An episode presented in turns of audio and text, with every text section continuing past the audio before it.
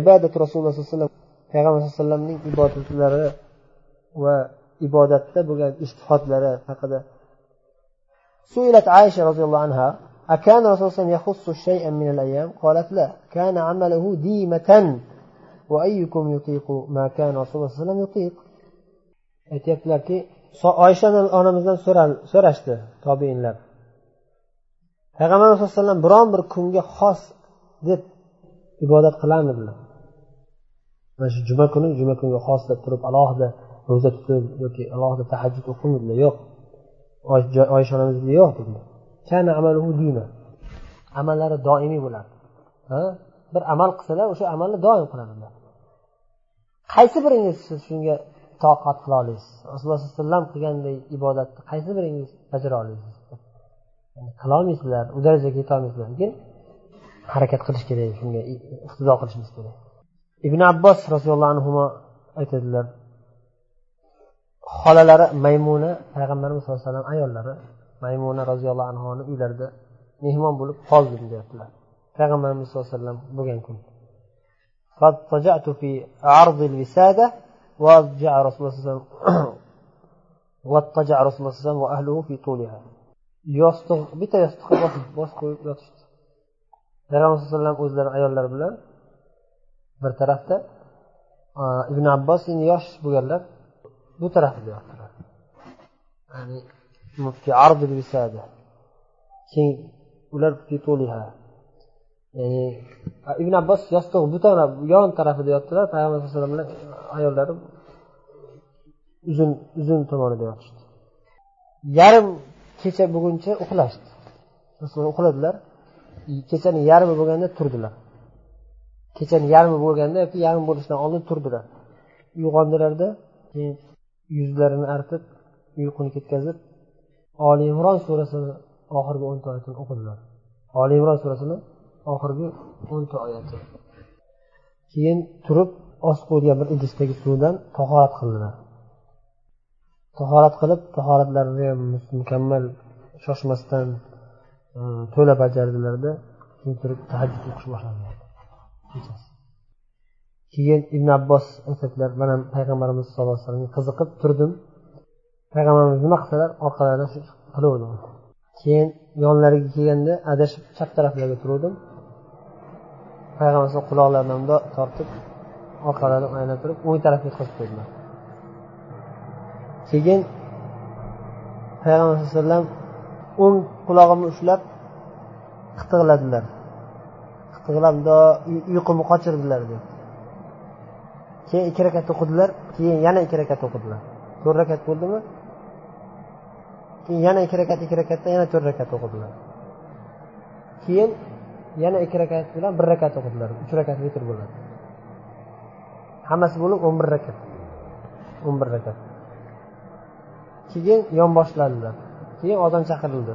Muazzin kelib chaqirdi. Keyin yana turdilarda yana ikki ikki rakat qisqagina ikki rakat o'qidilarda keyin ya'ni bomdod sunnatini. Bomdod sunnatini juda qisqa o'qirdilar payg'ambar alayhi vasallam. Yengil o'qirdilar. Ya'ni qisqa sura o'qirdilar. Bomdod sunnat.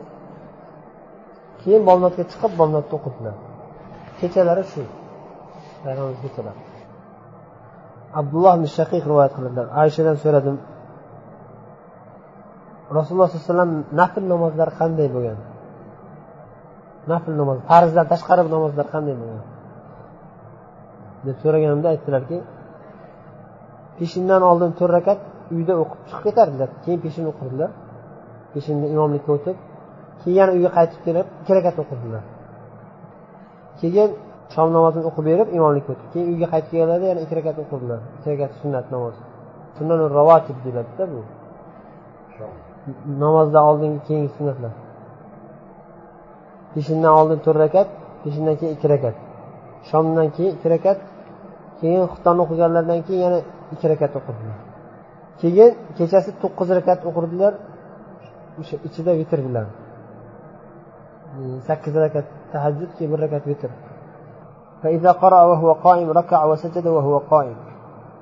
Ba'zida tahajjud namozini oddiy namozlardek farz namozlarda tika turib o'qirdilar ya'ni.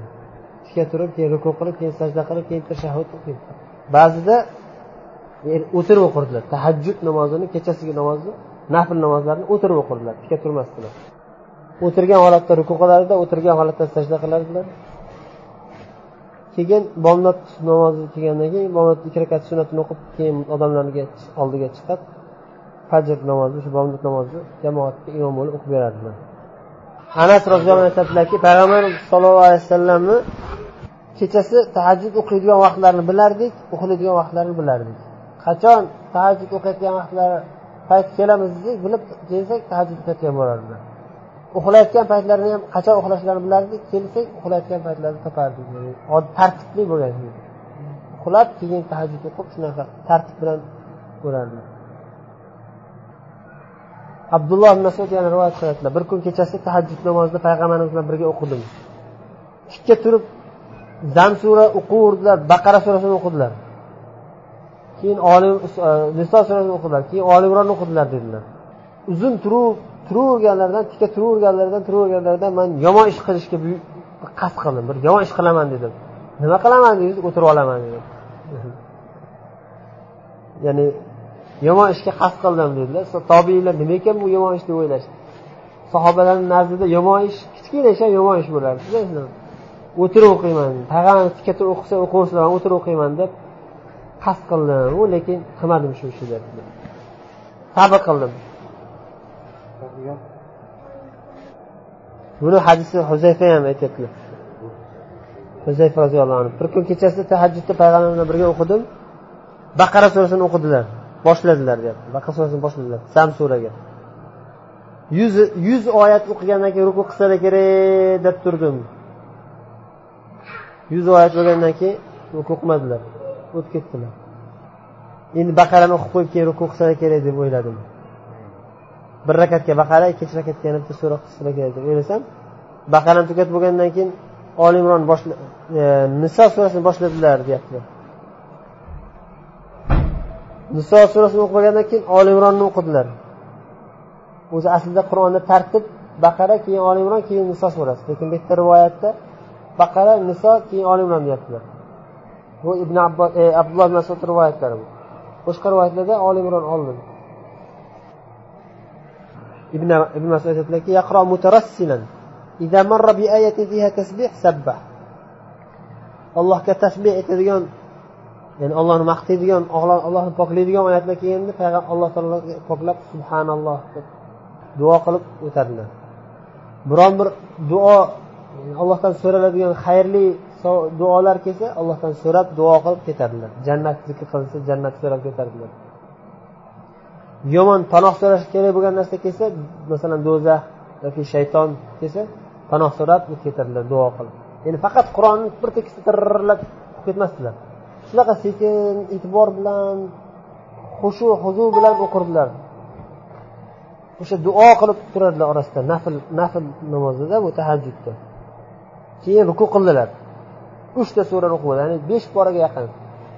Keyin ruku qilib subhana robbiyal azim deb rukuda qolib ketdilar. Qancha turdilar rukuda?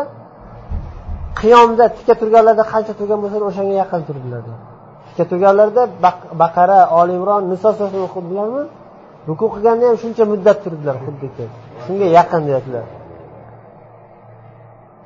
subhana robbiyal azim subhana robbiyal azim duo qilib allohni faqat ruku at tazim rukuda alloh ta'zim alloh taoloni buyuk sifatlarini aytish bo'ladi.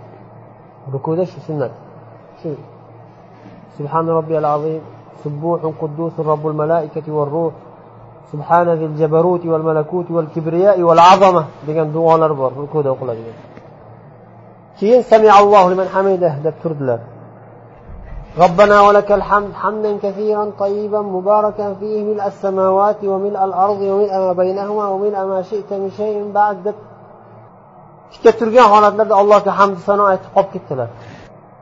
Ruku qilganda qancha turgan bo'lsalar o'shanga yaqin. O'shanda sal kamroq. Birinchi qiyomda uzun turdilar keyin rukuda ham ancha uzun turdilar faqat qiyomdan sal kamroq edi. Keyin rukudan yana qayta turdilar. Bada ruku al qiyam bada ruku. Rukudan keyin tikka turganda rukudan sal kamroq tikka turdilar. Ancha qolib ketdilar keyin sajad keyin sajda qildilar. Keyin subhan robbiyal ala deb qolib ketdilar sajdada. Sajdada ham shuncha uzun muddat turdilar. Xuddi qiyomda turganga yaqin deyaptilar. Tahajjud. Tahajjudda payg'ambar alayhisalom asosan ikkinchi yarim kechada o'qirdilar. Birinchi yarim kechada o'qilardilarda ikkinchi yarim kechada tahajjud o'qirdilar. Oxirgi bir rakat boshqa o'qirmadi yo qo'shib uch rakat uch rakat bizda vitrda ikki xil rivoyat bor. Uch rakatni to'xtamasdan o'qish bor. Ikkinchi turi ikki rakat o'qib bo'lib salom berib keyin alohida bir rakat o'qish bor. O'sha ikki rakat salom berilgandan keyin naflga kiradimi? Qanday niyat? Vitr vitr deb niyat qilaverasiz ikki rakatga ham. Shu vitrni davom ettiraman deysizda oxirigacha. O'zi vitrni bir rakat o'qisa ham bo'ladi uch rakat o'qisa ham bo'ladi besh rakat o'qisa ham bo'ladi yetti rakat o'qisa ham bo'ladi to'qqiz rakat o'qisa ham bo'ladi. Shu bitta niyat qilib qo'yiladi bo'ldi. Vitr bitta boshqa niyat qilib qo'yasiz bo'ldi. o'n to'rtga vaqt oldin aytib qo'yayotgan payt kech qolib qolsa bir rakat o'qib qo'yish kerak. Agar bomdodga ozon chaqirib yuborsa bir rakat o'qib qo'yish kerak.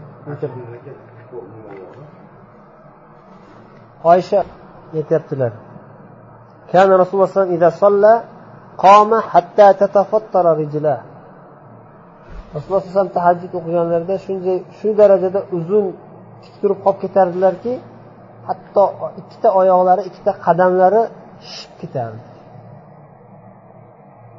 ko'p turganliklaridan shishib qizarib ketardi qiynalib sabr qilib to'xtamasdan uzun tilovat qilib turaverardilar shunda men aytardimki ey rasululloh أتصنع هذا وقد غفر الله لك ما تقدم من ذنبك وما تأخر ey rasululloh shu darajada o'zingizni qiynaysizmi vaholanki alloh taolo sizning oldingi gunohlaringizni ham keyingi gunohlaringizni ham kechirib qo'yganman deb aytib qo'yganku kechirib qo'yganku alloh taolo shu darajada o'zizni qiynab tahajjud o'qib zarurmi shu Deganda aytdilarki ya aisha afala akunu abdan shakuran? Ey oysha axir man alloh taolo o'z parvardigoriga shukronalar aytadigan banda bo'lmaymanmi? Ya'ni shu darajada inom qilib ikrom qilibdi alloh taolo mani ulug'labdi gunohlarimni kechirib yuboribdi endi shunga shukrona aytadigan banda bo'lmaymanmi?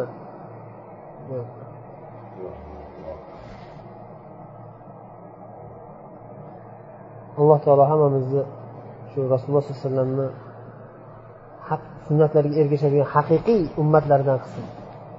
Hammamiz yaxshi ko'ramiz. Shak shubhamiz yo'q. Lekin o'sha yaxshi ko'rishlikni mas'uliyatini amal amalda bajarish ko'pincha o'zimiz dangasalik qilib qolamiz ko'p xatolarga yo'l qo'yib qo'yamiz. Alloh o'zi kechirsin.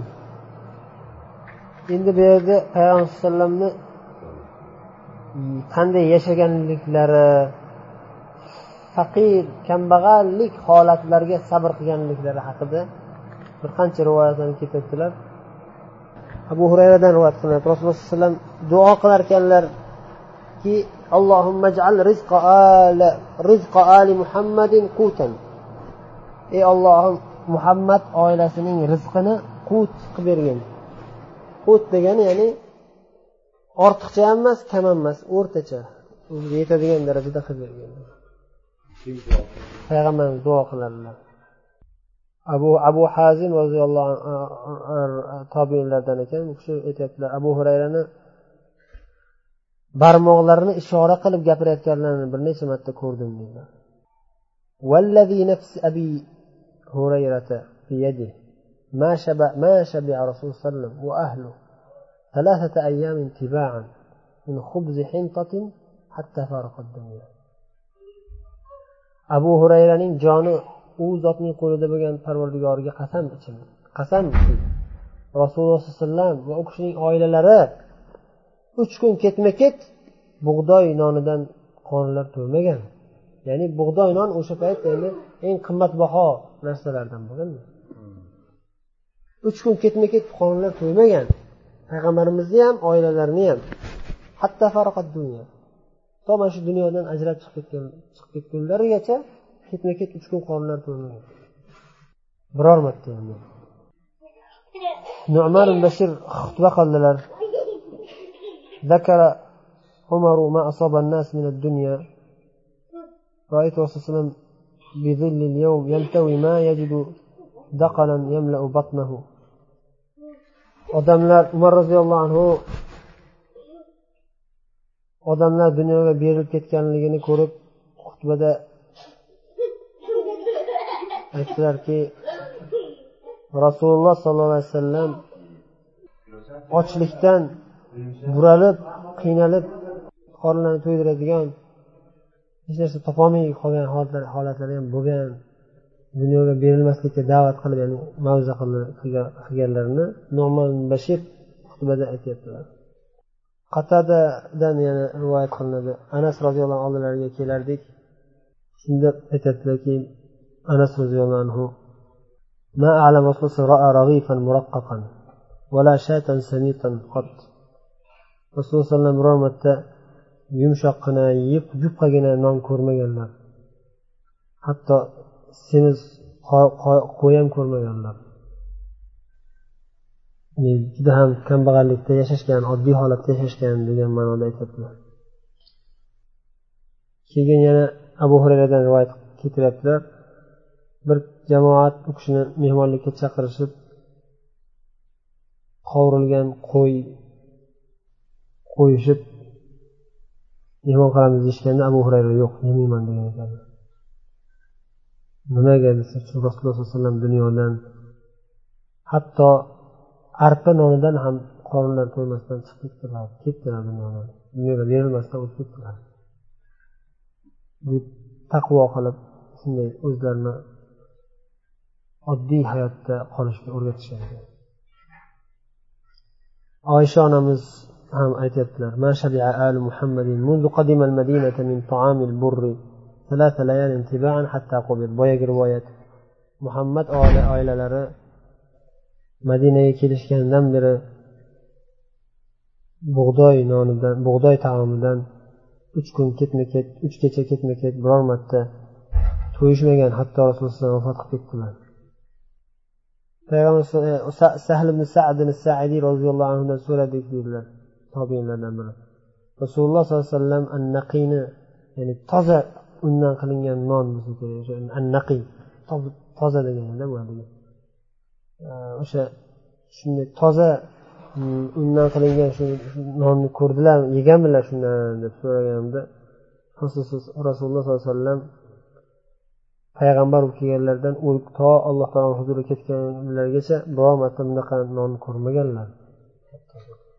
Shunda so'radim sizlar o'sha arpani uncha yaxshi maydalanmagan arpani qanday qilib yedinglar deganda o'zimiz maydalab maydalab keyin puflab puflab uchib ketadigan uchib ketardi keyin qolganini pishirib yerdik.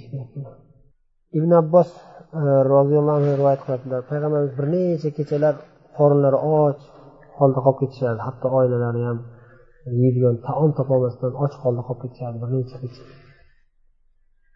Eng ko'p yeydigan narsalar o'sha arpadan qilingan non bo'lardi.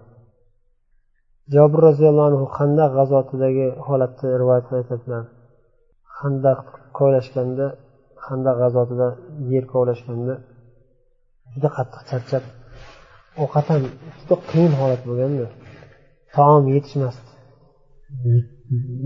Uch mingta sahobiy uch mingta taom yetishmasdan qattiq qiynalib ketishgan. Qorinlariga ochlikdan qattiq qiynalishgandan ochligini bildirmaslik turish uchun qorinlariga tosh bog'lab olishardi. Oysha roziyallohu anhu aytardilar bizga bir oy chiqardi bir oy o'tardi ikki ikkinchi oy o'tardi uyimizda rasululloh sollallohu alayhi vasallamni nechta xotinlar bo'lgan? Bir vaqtda to'qqizta xotin bo'lgan. To'qqizta uylardan birontasida biror marta olov yoqilmasdi. Bir oy ikki oy o'tib ketardi. O'choq yoqilmasdi. Qanday qilib yashardinglar deb so'radim deydilar urva. Urva roziyallohu anhu bu kishi tobeinlardan oysha onamiz u kishi xola bo'ladilar qanday qilib yashardinglar? Deganda oysha onamiz javob qiladi ikkita qora narsa borku o'shanga. Xurmo bilan suv shu bilan kifoyalanishadi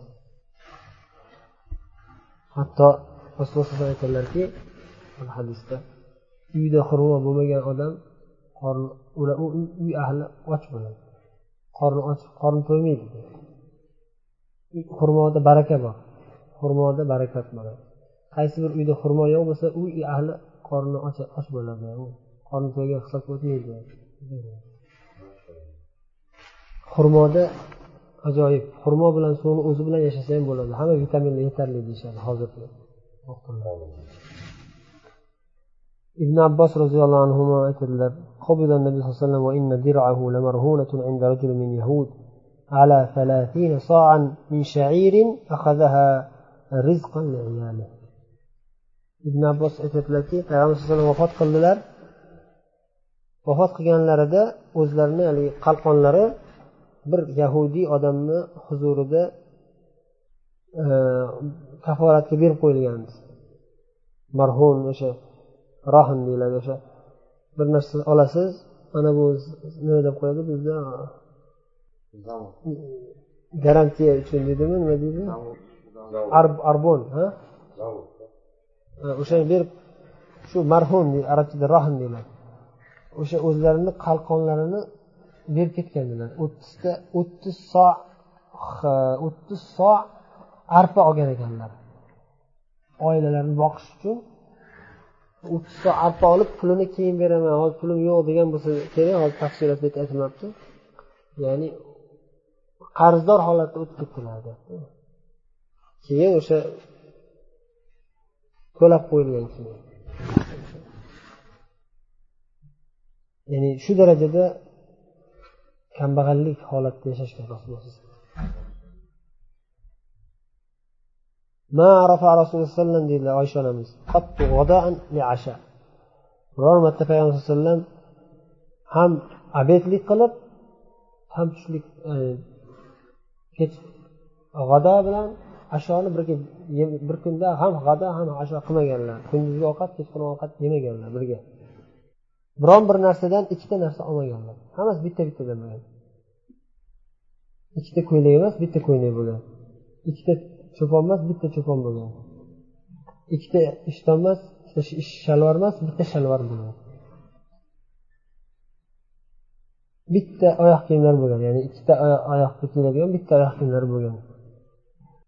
Hatto uylarida deydilar payg'ambar alayhi biror marta uylarida bekor o'tirganlar ko'rilmagan. Yo oilalarini xizmatida bo'lganlar uyda o'tirsalar bekor o'tirmasdilar. Hech qachon payg'ambar biron bir lahza bekor o'tirmasdilar.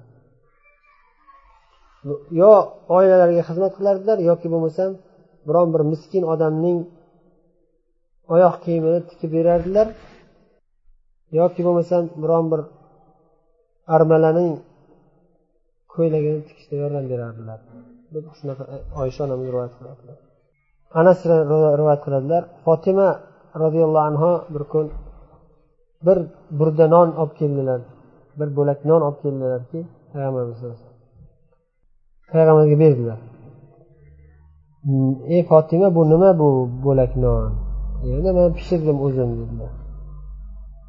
Shu nonni pishirganimda o'zim yeyishga ko'nglim bo'lmadi otajonim yesinlar otajonimga olib kelay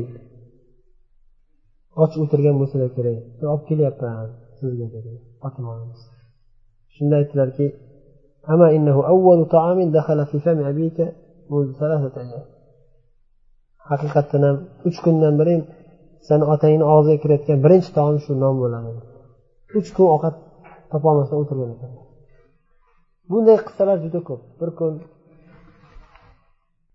payg'ambar uylaridan chiqdilar Qo'llari och qayerda ovqat bo'larkan deb och holatlarida biron bir sahobiy ovqat taklif qilarmikin deb uylaridan chiqdilar chiqdilar abu bakr ko'chada. Nima ko'chaga chiqdingiz ey abu bakr? Sizlar ey rasululloh ochig'ini aytsam ovqat yo'qligidan ochlikdan chiqdim keyin bo'lmasam yuring birga biron joyga boramiz deb. Ozgina yursalar umar ko'chaga chiqdi. Ey umar nimaga ko'chaga chiqdingiz desa? Ochig'ini aytsam ey rasululloh ochlikdan chiqdim yegan ovqat yo'q uch kundan beri. Uchta eng buyuk insonlar. Payg'ambarimiz abu bakr umar. Yo'l yurishdi. Qayoqqa boramiz? Falonchi sahobiyni qo'yi bor anazasi bor edi. Anazada echkicha o'sha yoqqa boramiz. Borishdi. Sahobiy chiqdi. Sahobiy yo'q ekanlarmi shu ishga chiqib ketgan ekanlar oilalar bor ekan. Kiring kiring ey rasululloh oilalar kirgizdilar keyin sahobiy o'zlari ham ishdan qaytib keldilar. Xursand bo'lishib haligi qo'yni darrov so'yib yuborishdi.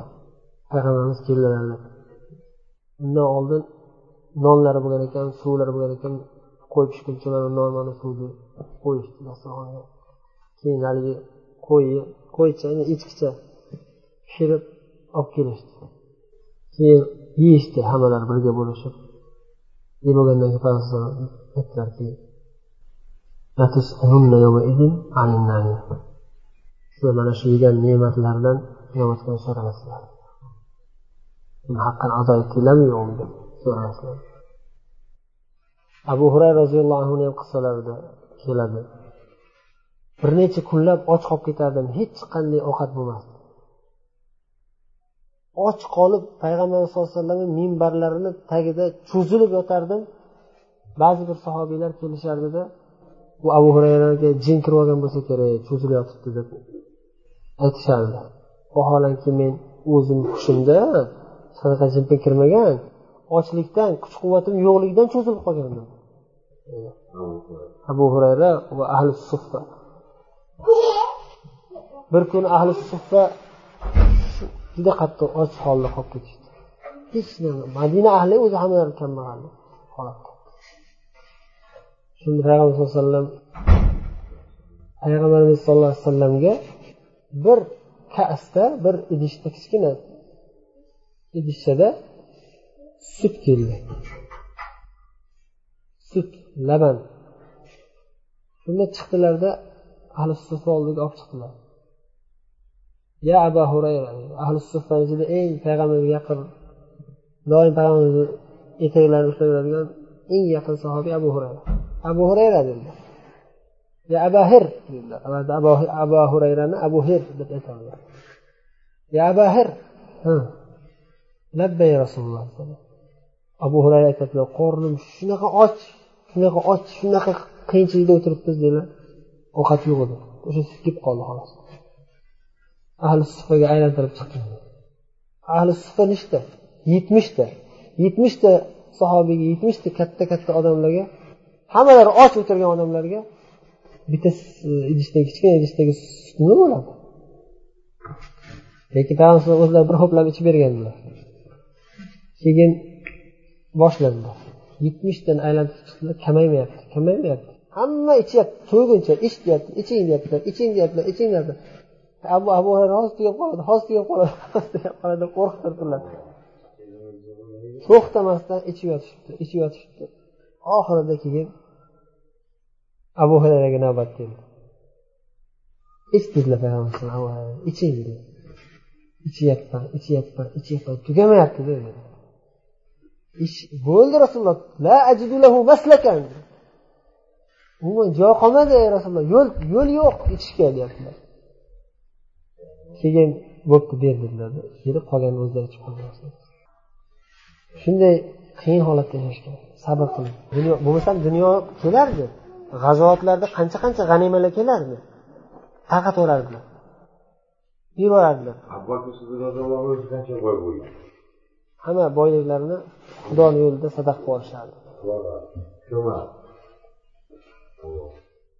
mana shunday bo'lgan ya'ni boylik ularni qo'llarida o'tib ketadi. Ular g'anima yoki tijoratdan yoki boshqa e, xizmat e, qilgan peshina terlari bilan topilgan pul qo'llariga tushardiki boshqa o'tib ketaverardi joyida to'xtab qolmasdi tushardi o'tib ketaverardi tushardi o'tib ketaverardi سبحانك اللهم وبحمدك نشهد ان لا اله الا انت نستغفرك ونتوب اليك alloh taolo o'zi gunohlarimizni kechirsin kamchiliklarimizni o'zi to'ldirsin dunyoga berilmaydigan qalbi iymon bilan sobit bo'lgan rohat topgan qalblar sohibi qilsin hammamizni سبحانك اللهم وبحمدك نشهد ان لا اله الا انت نستغفرك ونتوب اليك صلى الله وسلم على نبينا محمد